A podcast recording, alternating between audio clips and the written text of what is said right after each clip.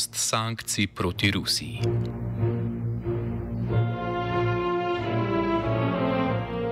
Vojna v Ukrajini traja že skoraj pet mesecev in v tem času je ruskim silam po začetnem poku in šoku uspelo zauzeti le petino ukrajinskega ozemlja. Največ bojev poteka na vzhodu države, Rusiji pa predvsem zaradi naprednejšega orožja, ki ga Ukrajini dobavljajo zahodne države, na fronti ne uspevajo več hitri preboji. Na začetku invazije so ti namreč temeljili na zračni premoči Rusije, ki je z uporabo protiletalskih sistemov ukrajinske strani postala do dobra omejena.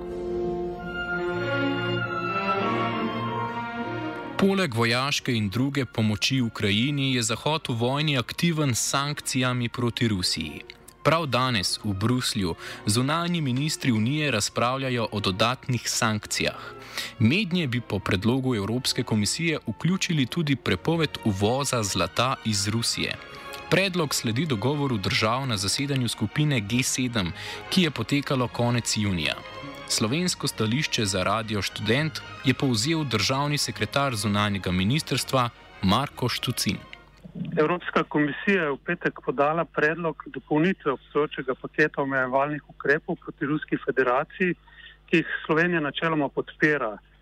Pričemer povdarjamo, da ne gre za nov paket sankcij, temveč za tehnične posodobitve že sprejetih ukrepov ter uskladitev z ukrepi skupine G7. Uh, med predloge naprimer spada prepoved uvoza zlata iz Rusije. Države članice se v ukrepih pogajamo in Slovenija si bo v teh pogajanjih prizadevala, da sprejeti ukrepi ne bodo imeli negativnega učinka na naše gospodarstvo pred morebitno razpravo o novih paketih sankcij pa bo Slovenija v takem primeru od Evropske komisije um, poskušala pridobiti tudi analize glede vpliva sankcij, na podlagi česar se bomo odločili tudi o nadaljnih ukrepih. Zahodne države sankcije proti Rusiji uvajajo že od ruskega prepoznanja Doneške in Luganske ljudske republike tri dni pred začetkom invazije v Ukrajini. V današnjem offsajdu skušamo oceniti učinek sankcij, ki smo jih začeli uvajati pred petimi meseci.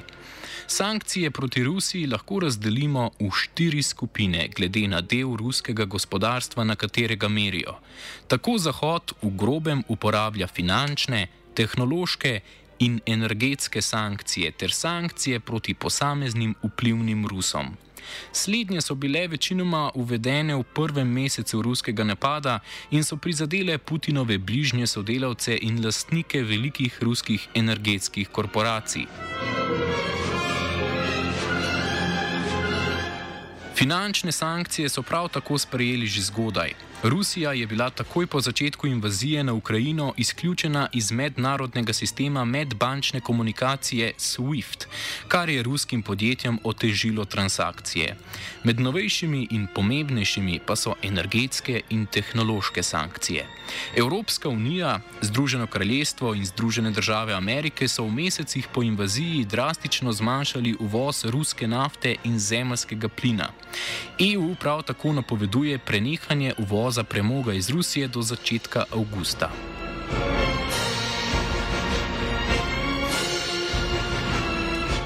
Zadnji pomemben stebr zahodnih sankcij je tehnološki. Ta cilja na ohromitev ruskega uvoza in proizvodnje polprevodnikov in drugih komponent, ki neposredno vplivajo na ruske vojaške zmožnosti. Več Matijas Goldman z Getejeve univerze v Frankfurtu.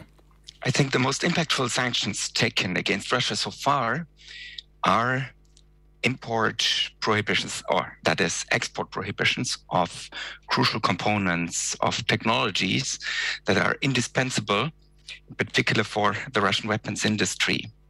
So we see that they have difficulties with the supply of weapons of tanks because they rely on components uh, from Western producers. And uh, that is high tech that you cannot replace so easily. You can replace that in the long term, and you might find another supplier in the long term. But at least in the short and medium term, that means within months or so, or maybe even years, uh, that creates a shortage of crucial components, and that is having an immediate impact on the Russian war effort. Sodobni način bojevanja pomeni, da morajo imeti udeleženci v vojni izpopolnjen brezpilotni sistem napadanja strateško pomembnih ciljev. Za takšno tehnologijo pa je potrebna dobra opremljenost z najnovejšimi komponentami. Rusija je na tem področju šipka, saj v Ukrajini uporabljajo zastarelo opremo.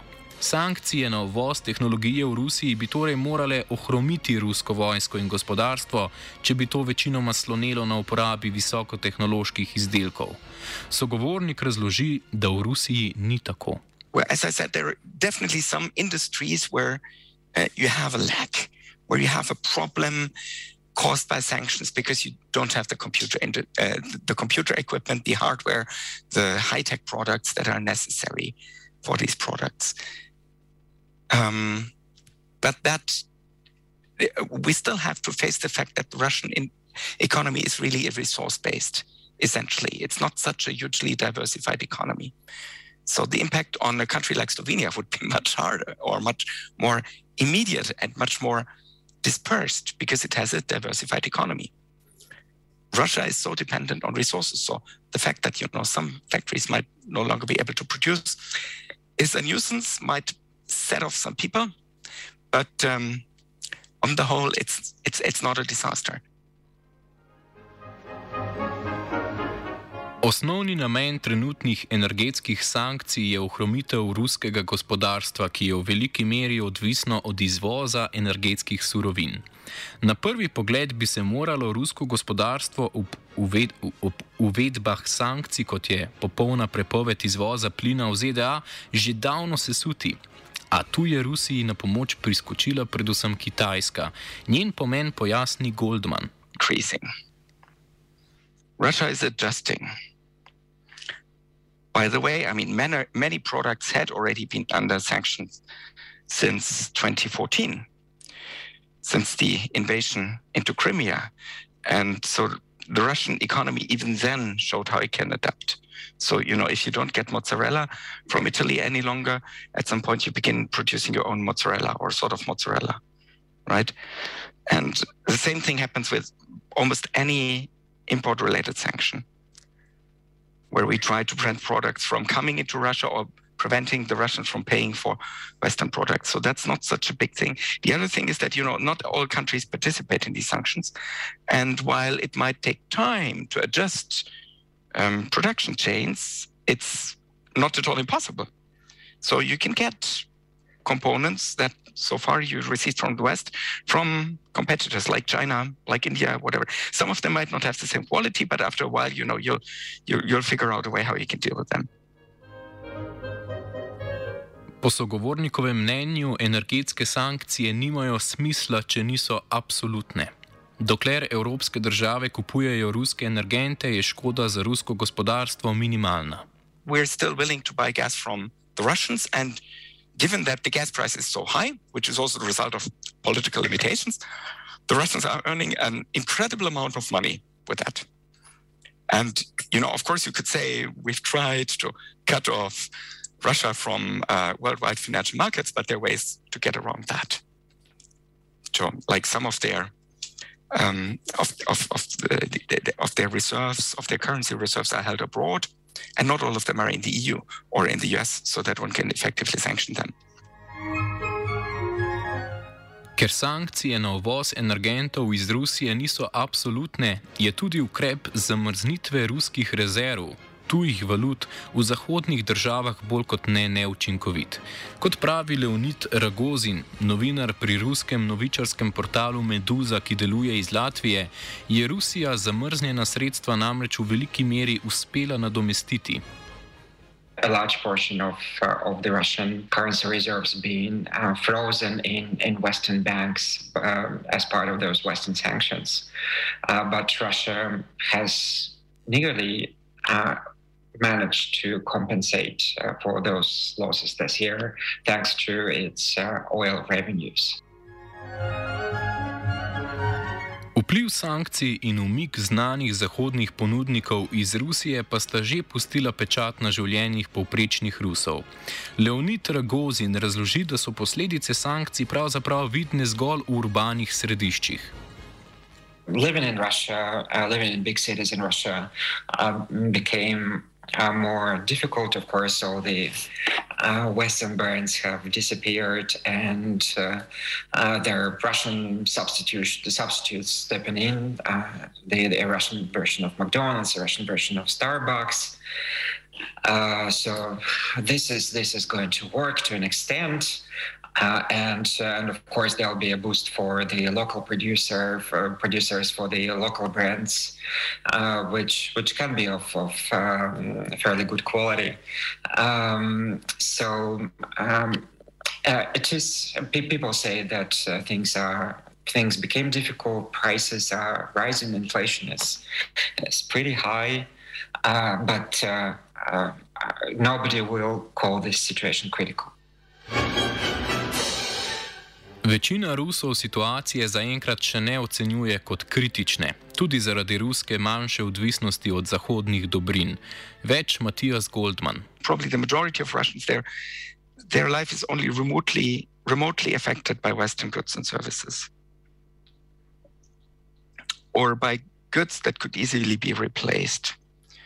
And um, for them, it is much more important that the Russian state still pays them their monthly salary or their um, their pension, or that the Russian state, you know, runs schools and universities, etc. And the financial situation of the Russian state is better than ever because it's still making money on on on um, um, uh, on fossils. Pomemben in pogosto pozabljen dejavnik uspešnosti zahodnih sankcij so države, ki ne pripadajo ne zahodnemu, ne vzhodnemu bloku, kot sta Kitajska in Indija. Odvisnost teh držav, tako od Zahoda kot od Rusije, jim daje določeno mero neutralnosti. Na primeru Kitajske situacijo teh držav razloži Goldman. Part or the crucial aspect would be whether China dares to support Russia with weapons. I think that would be a, a, point of no return, or a point point where it really becomes clear that it's taking a side, that it can no longer claim to be neutral. And that I haven't seen. I don't know. I'm not an, an, an intelligence officer. And there might be people with more information about that, but I haven't seen that yet. Po sogovornikovem mnenju lahko Kitajska svoj položaj v očeh Zahoda poslabša zgolj s prodajo orožja Rusiji, česar pa trenutno ni na vidiku.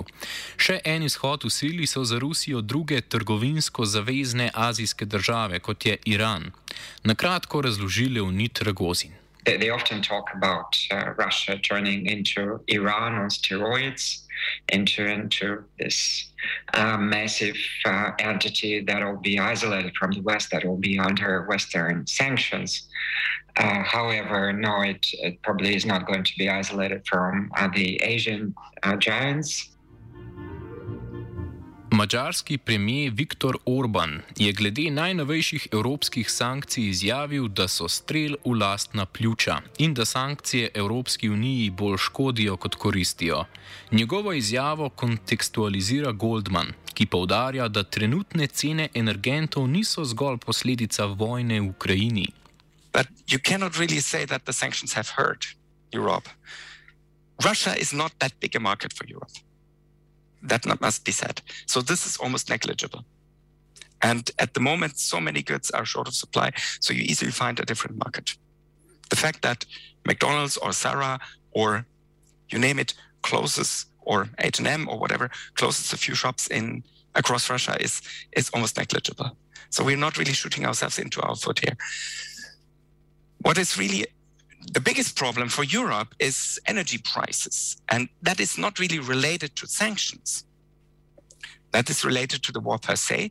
That is related to mistakes in the past that have created this huge dependency on Russia. And from among those responsible for these mistakes, Viktor Orban clearly is one. And he is clearly not the smallest. So he bears some responsibility for that dependence. He's lived with it, he's enjoyed it, he's increased it, he's not decreased it. Yeah. So I think he's shooting himself into his own lungs.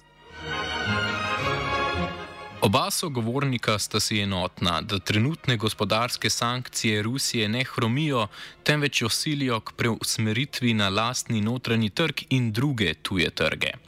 Kako naj torej dosežejo svoj namen in Rusijo prisilijo k umiku iz Ukrajine? Matijas Goldman je mnenja, da sankcije ne bodo dosegle želenega učinka, dokler bo Zahod nadaljeval s kupovanjem ruskih energentov. Dokler pa se zlasti Evropa energetsko ne osamosvoji, je zlasti pomembno, da ovira ruske vojaške operacije. I believe that it doesn't really matter that much.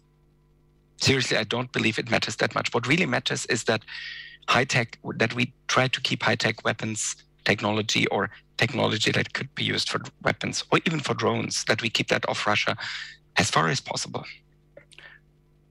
Everything else, I don't think it really matters as long as the West is still buying energy from Russia. Namen zahodnih sankcij bi lahko označili za plemenit. Z omejevanjem ruskega gospodarstva preprečiti trpljenje ukrajinskega naroda. Vendar se Zahod svojega plemenitega cilja lotil napačno. Evropska realnost odvisnosti od ruskih energentov onemogoča izpolnitev tega cilja. Posledice na mesto predvsem ruske vojske čuti rusko prebivalstvo.